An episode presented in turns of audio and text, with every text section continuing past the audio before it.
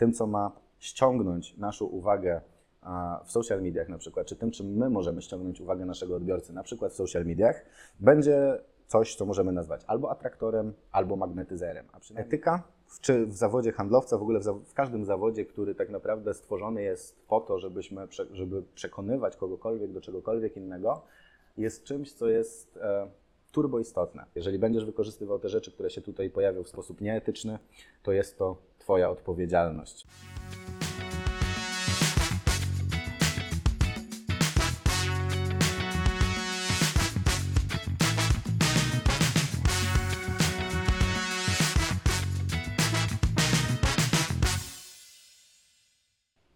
Dzień dobry, cześć. Witam Cię bardzo serdecznie na kanale Sztuka Myślenia o Pieniądzach. Ja nazywam się Mateusz Warmus, a to jest seria Czego uczy nas i jest to ostatni odcinek z tej serii do końca roku 2023.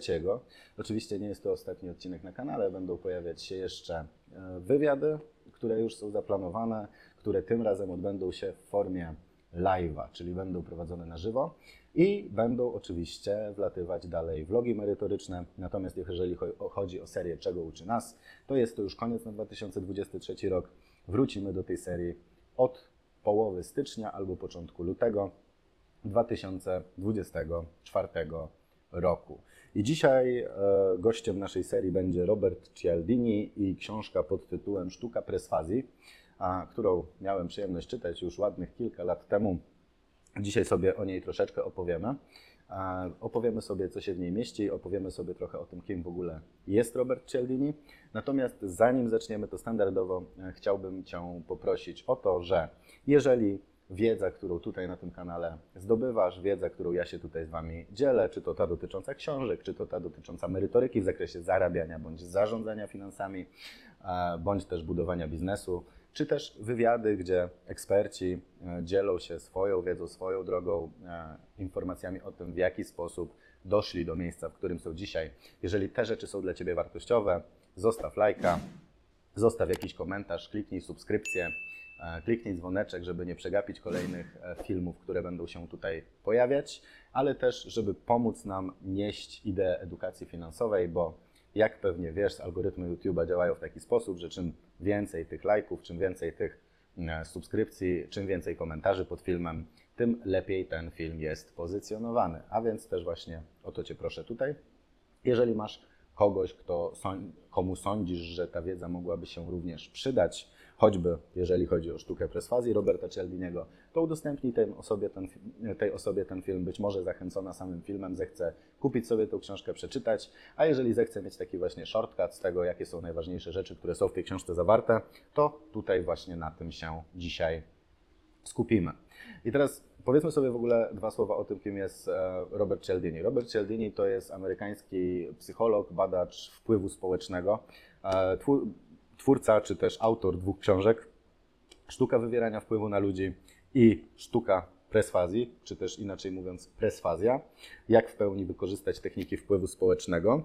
E, no i teraz, e, żebyśmy sobie mogli przejść przez to, co ta książka tak naprawdę zawiera, bo w pierwszej kolejności wydana była Sztuka wywierania wpływu, z tego co e, przynajmniej pamiętam, ja ją na pewno pierwszą czytałem, natomiast w drugiej kolejności była ta presfazja. W tej książce znajduje się osiem takich dużych części, które podzielone są na dokładnie 14 rozdziałów. Osiem takich dużych zagadnień jest poruszane w trzech częściach książki, które podzielone są na 14 rozdziałów.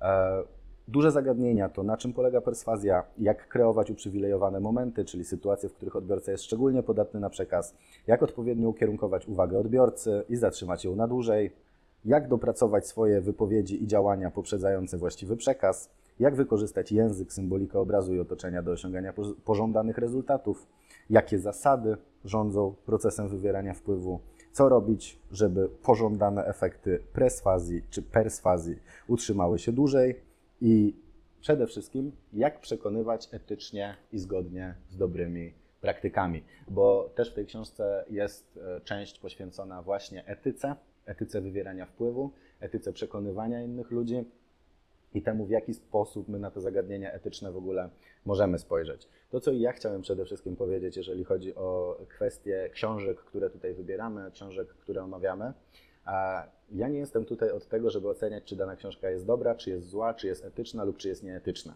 Ja jestem od tego, żeby przytoczyć Ci, e, przybliżyć Ci zawartość tej książki, pokazać Ci, jakie elementy zawiera i to, co Ty z tym dalej zrobisz, to jest tak naprawdę w 100% Twoja decyzja. Więc jeżeli jesteś człowiekiem, który jest nieetyczny, e, no to niestety jest to na tobie. Jeżeli będziesz wykorzystywał te rzeczy, które się tutaj pojawią w sposób nieetyczny, to jest to Twoja odpowiedzialność.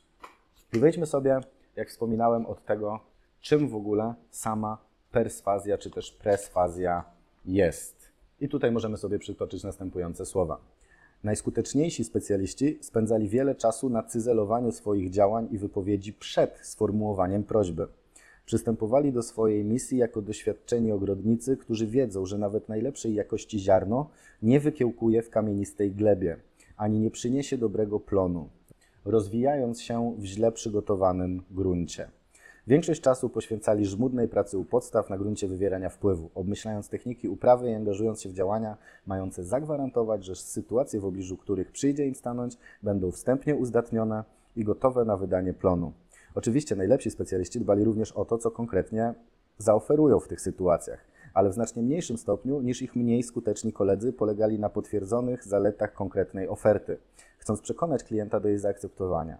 Uważali, że ramy psychologiczne, których dany apel pojawia się po raz pierwszy, są tak samo, a być może nawet bardziej istotne. Poza tym owi specjaliści często nie mieli wpływu na kształt tego, co oferowali klientowi. Ktoś inny w firmie stworzył dany produkt, program lub plan e, na ogół w formie z góry ustalonej i niezmiennej. Ich zadanie polegało jedynie na tym, by jak najefektywniej zaprezentować produkt. Aby osiągnąć ten cel, robili coś, co pozwalało im wejść na szczególny rodzaj traktu perswazyjnego. Przed nadaniem swojego przekazu zabiegali o to, by dobrze usposobić doń odbiorców. I teraz presfazja będą to wszystkie te działania, które my podejmujemy, aby przekonać naszego rozmówcę, czy do naszego zdania, czy do naszej oferty, czy do naszego pomysłu, czy do naszej idei, ale które podejmujemy zanim ów pomysł, ów ideę w ogóle sformułujemy. Czyli są to te wszystkie elementy rozmowy, elementy naszego zachowania, elementy często naszego światopoglądu, e, które wpływają na to, w jaki sposób później odbiorca finalnie odbierze naszą propozycję, czy na przykład właśnie naszą ideę. E, możemy to nazwać trochę torowaniem, możemy tutaj wykorzystać bardzo wiele pewnych błędów poznawczych, które popełniamy jako ludzie, które nasz mózg popełnia. Natomiast presfazja to będzie wszystko to, co nie jest związane bezpośrednio ani z ofertą, ani z produktem, nie jest związany nawet z perswazją, czyli na przykład później ze zbijaniem obiekcji czy z badaniem potrzeb tego naszego klienta. Presfazja to coś, co dzieje się wcześniej. I przechodzimy powoli do tego, co w presfazji jest najważniejsze, czyli do tego, w jaki sposób przykuć i zachować uwagę odbiorcy. I to, czy będziemy tą uwagę odbiorcy przykuwać i zachować w ramach spotkania z tym odbiorcą, czy będziemy ją przykuwać w ramach na przykład naszych działań w social mediach, nie ma tutaj tak naprawdę większego znaczenia, dlatego że uwaga jest dzisiaj zasobem bardzo deficytowym. Bardzo dużo różnego rodzaju bodźców, różnego rodzaju rozpraszaczy rywalizuje ciągle o naszą uwagę. Możemy to zobaczyć choćby na poziomie właśnie social mediów, możemy sobie to zobaczyć choćby na poziomie między innymi na przykład e, ilości reklam, ilości komunikatów marketingowych, ilości e, komunikatów informacyjnych. Każdy chce kawałka naszej uwagi dla siebie. No i teraz, jeżeli my się postawimy po tej drugiej stronie, czyli po stronie osoby, która chce rozwijać jakiś biznes, która chce coś sprzedać albo która chce e, dobrze zareklamować produkt, no to znowu my też o tę uwagę musimy w szranki stanąć i musimy o tę uwagę naszego odbiorcy rywalizować. I to jest dla większości z nas bardzo mocno problematyczne, bo nie wiemy w jaki sposób to robić, nie wiemy w jaki sposób w ogóle tą uwagę przyciągać, w jaki sposób tą uwagę tego odbiorcy zachowywać. I to jest kolejna rzecz, na której skupia się Robert Cialdini tutaj w swojej książce pod tytułem Sztuka presfazji. I tutaj sobie przytoczymy ostatni fragment, a resztę już omówimy sobie szybciej e, i w inny sposób. Więc tymi władcami uwagi, tym co ma ściągnąć naszą uwagę w social mediach na przykład, czy tym, czym my możemy ściągnąć uwagę naszego odbiorcy, na przykład w social mediach, będzie coś, co możemy nazwać albo atraktorem, albo magnetyzerem, a przynajmniej tak w taki sposób nazywa to Robert Cialdini w swojej książce. I teraz atraktory to będą rzeczy, które są związane na przykład z seksualnością, rzeczy, które są groźne i na przykład rzeczy, które możemy w pewien sposób zmienić, którym możemy w pewien sposób zmienić kontekst, którym możemy, którym możemy w pewien sposób e, nadać kontekst zmieniony. I na tym ostatnim się skupimy na trochę dłużej. To znaczy tutaj e, Wam przeczytam już pewien fragment, żeby to też było oczywiste, co chciał tu powiedzieć sam Robert Cialdini. Za każdym razem, gdy po raz pierwszy zauważamy w otoczeniu jakąś zmianę, nasza uwaga automatycznie koncentruje się na tej zmianie. Nie jest to cecha właściwa wyłącznie człowiekowi. Taka reakcja jest powszechna w świecie zwierząt. Jak jest tak podstawowa, że zdołała przełamać najbardziej chyba znany wzorzec zachowań najbardziej znanej grupy zwierząt w historii psychologii, czyli psów Pawłowa. Każdy, kto kiedykolwiek miał jakieś zajęcie z psychologii, mniej więcej wie, co kryje się za określeniem pies Pawłowa. W serii przełomowych eksperymentów, wielki rosyjski uczony, bla, bla, bla, bla, tego nie będziemy sobie czytać, bo to nie jest istotne. Istotny jest wniosek, który z tego płynie. A więc e, wniosek, który mówi, że psy zaczęły się ślinić na dźwięk dzwonka, który miał oznaczać jedzenie, a nie na sam widok czy zapach tego jedzenia. E, ale to nie jest cała historia, e, bo całej historii, jak tutaj wspomina Cialdini, nie zna nawet większość profesorów psychologii. Natomiast my sobie to rozwiniemy. Kiedy po przeprowadzeniu wielu testów Pawłów upewnił się, w przekonaniu o wiarygodności i sile swojego przełomowego odkrycia, chciał zademonstrować innym, jak działa warunkowanie klasyczne. Jednak gdy demonstrację obserwowali zaproszenie do, zaproszeni do jego instytutu goście, eksperyment zwykle się nie udawał. Tak samo było wówczas, gdy warunkowanie przeprowadzał któryś z asystentów Pawłowa w innym pomieszczeniu instytutu, a potem prosił tego ostatniego, aby sprawdził wyniki eksperymentu. Ku rozpaczy asystenta i zdumieniu jego przełożonego pies zazwyczaj nie reagował wtedy ślinieniem. W końcu Pawłow wpadł na to, że obie sytuacje można wytłumaczyć w ten sam sposób. Nowe osoby wchodzące do pomieszczenia stanowiły nowy bodziec, który przykuwał uwagę psa, czyli odwracał ją od dzwonka. To jest bardzo ważne. W otoczeniu pojawiła się zmiana, pojawiła się zmiana na poziomie, e, którego, który wcześniej po prostu nie był obserwowany w tym eksperymencie i ta zmiana zdecydowanie bardziej wpływała na krótkotrwałe zachowanie psa, niż wpływał na to wyuczony wzorzec e, związany z dzwonkiem i z jedzeniem, tak, i ze ślinieniem się.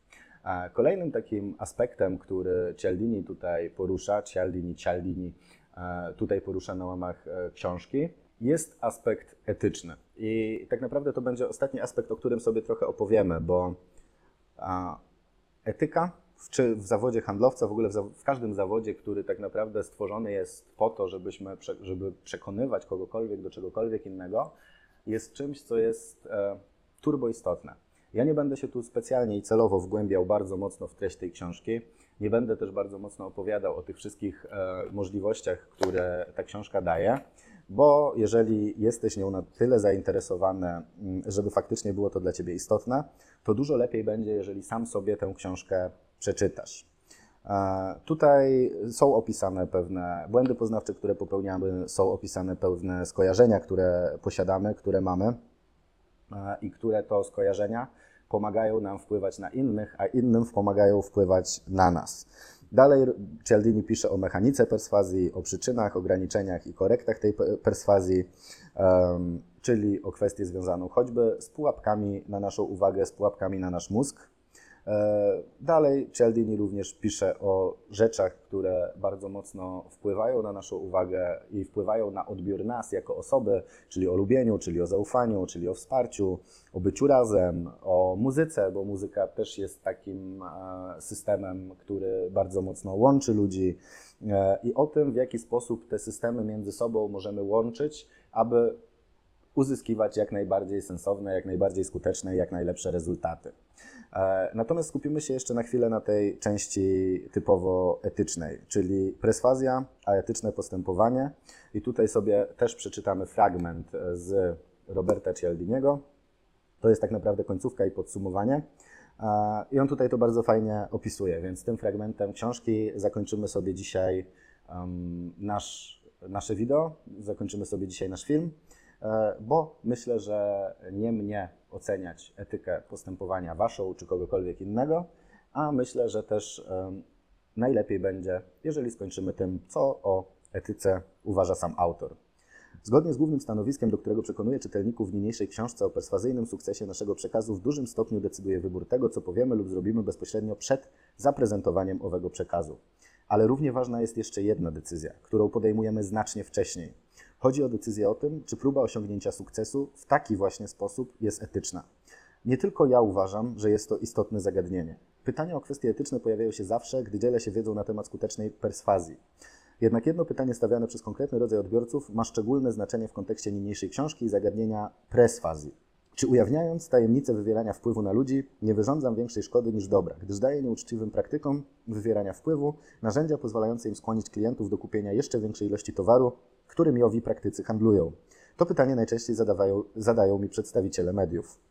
Choć wspomnienia z udziału w jedynej trasie promocyjnej wywierania wpływu na ludzi, na jaką kiedykolwiek przystałem, zlewają się w jedno, wrażenie, to pamiętam, że tego rodzaju pytania ze strony mediów ciągle padały. Promocja podlegała, polegała na odbyciu dziesięciodniowego maratonu wizyt w dziesięciu miastach i udzieleniu w każdym z nich wielu wywiadów. Wywiady prowadzili dziennikarze prasowi, radiowi lub telewizyjni, którzy niewiele wiedzieli o mnie i z których większość w ogóle nie czytała mojej książki. Były to różne spotkania. Niektóre odbywały się przerażająco wcześnie rano, inne w ciągu dnia, jedne trwały zaledwie kilka minut, inne nawet godzinę. Czasem była to rozmowa jeden na jeden, innym razem rozmowa prowadzona przez parę gospodarzy. Bardzo często pytało następujące pytanie. A więc doktorku wpływu, niech mi pan powie, co mam zrobić, żeby ten dupek mój szwagier przestał pożyczać ode mnie narzędzia, a potem zapominał je oddać. Poza tym mam wrażenie, że on zdradza moją siostrę. Co zrobić z tym fantem? Ale jedna cecha tych wywiadów była również względnie stała. W którymś momencie mój rozmówca podnosił kwestię większej szkody niż pożytku i kazał mi się ustosunkować do zarzutu, że pokazując przebiegłym handlowcom, jak wykorzystać psychologię do tego, by nas wykiwać, wyświetlam społeczeństwu niedźwiedzią przysługę.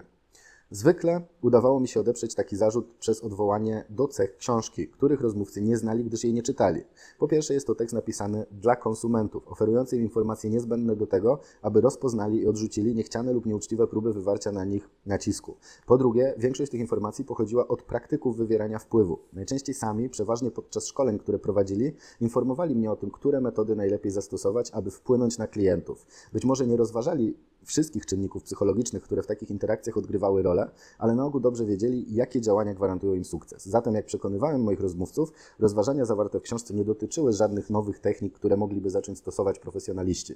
Moja książka była raczej próbą wprowadzenia równowagi w tym układzie i wyposażenia konsumentów w informacje o taktykach rutynowo stosowanych wobec nich. Jednak w przypadku niniejszej książki nie mogę już posłużyć się takimi argumentami. Piszę tu przede wszystkim o tym, jak wykorzystać siłę wpływu, a nie jak się jej przeciwstawić, więc obrona przez obronę konsumentów się nie sprawdzi.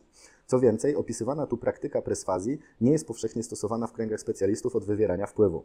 Tym razem nie mogę twierdzić, że ujawniam metody doskonale znane, gdyż w rzeczywistości bardzo niewielu praktyków wywierania wpływu rozumie proces presfazji na tyle dobrze, aby systematycznie go wykorzystywać. Zatem obawy o to, że informacje zawarte w tej książce mogą zainspirować nieetycznie postępujące organizacje do skuteczniejszego oszukiwania klientów, są całkiem uzasadnione.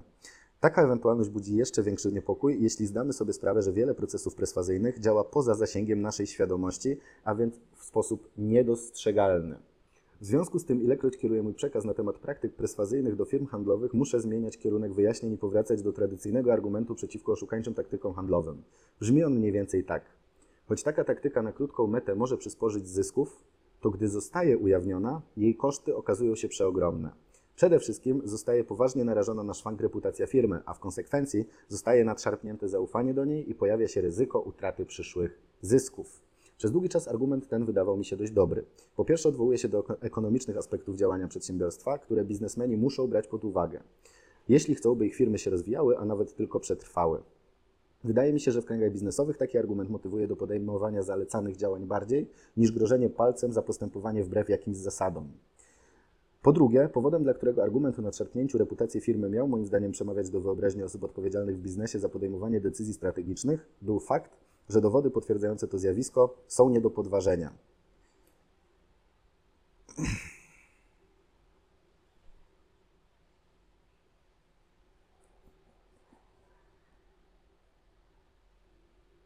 Wygląda na to, że potencjalnie rujnujące konsekwencje ujawniania nieetycznego postępowania są znane liderom biznesu, ale jednak ich nie odstraszają. Pytanie tylko, dlaczego tak jest? Można by podejrzewać, że osoby zarządzające firmami dokonają swego rodzaju kategoryzowania, oddzielając wiedzę na temat zagrożeń dla reputacji firmy, e, płynących z nieuczciwych praktyk od aktywnego udziału w nagannych działaniach czy taktycznego pozwolenia na takie działania.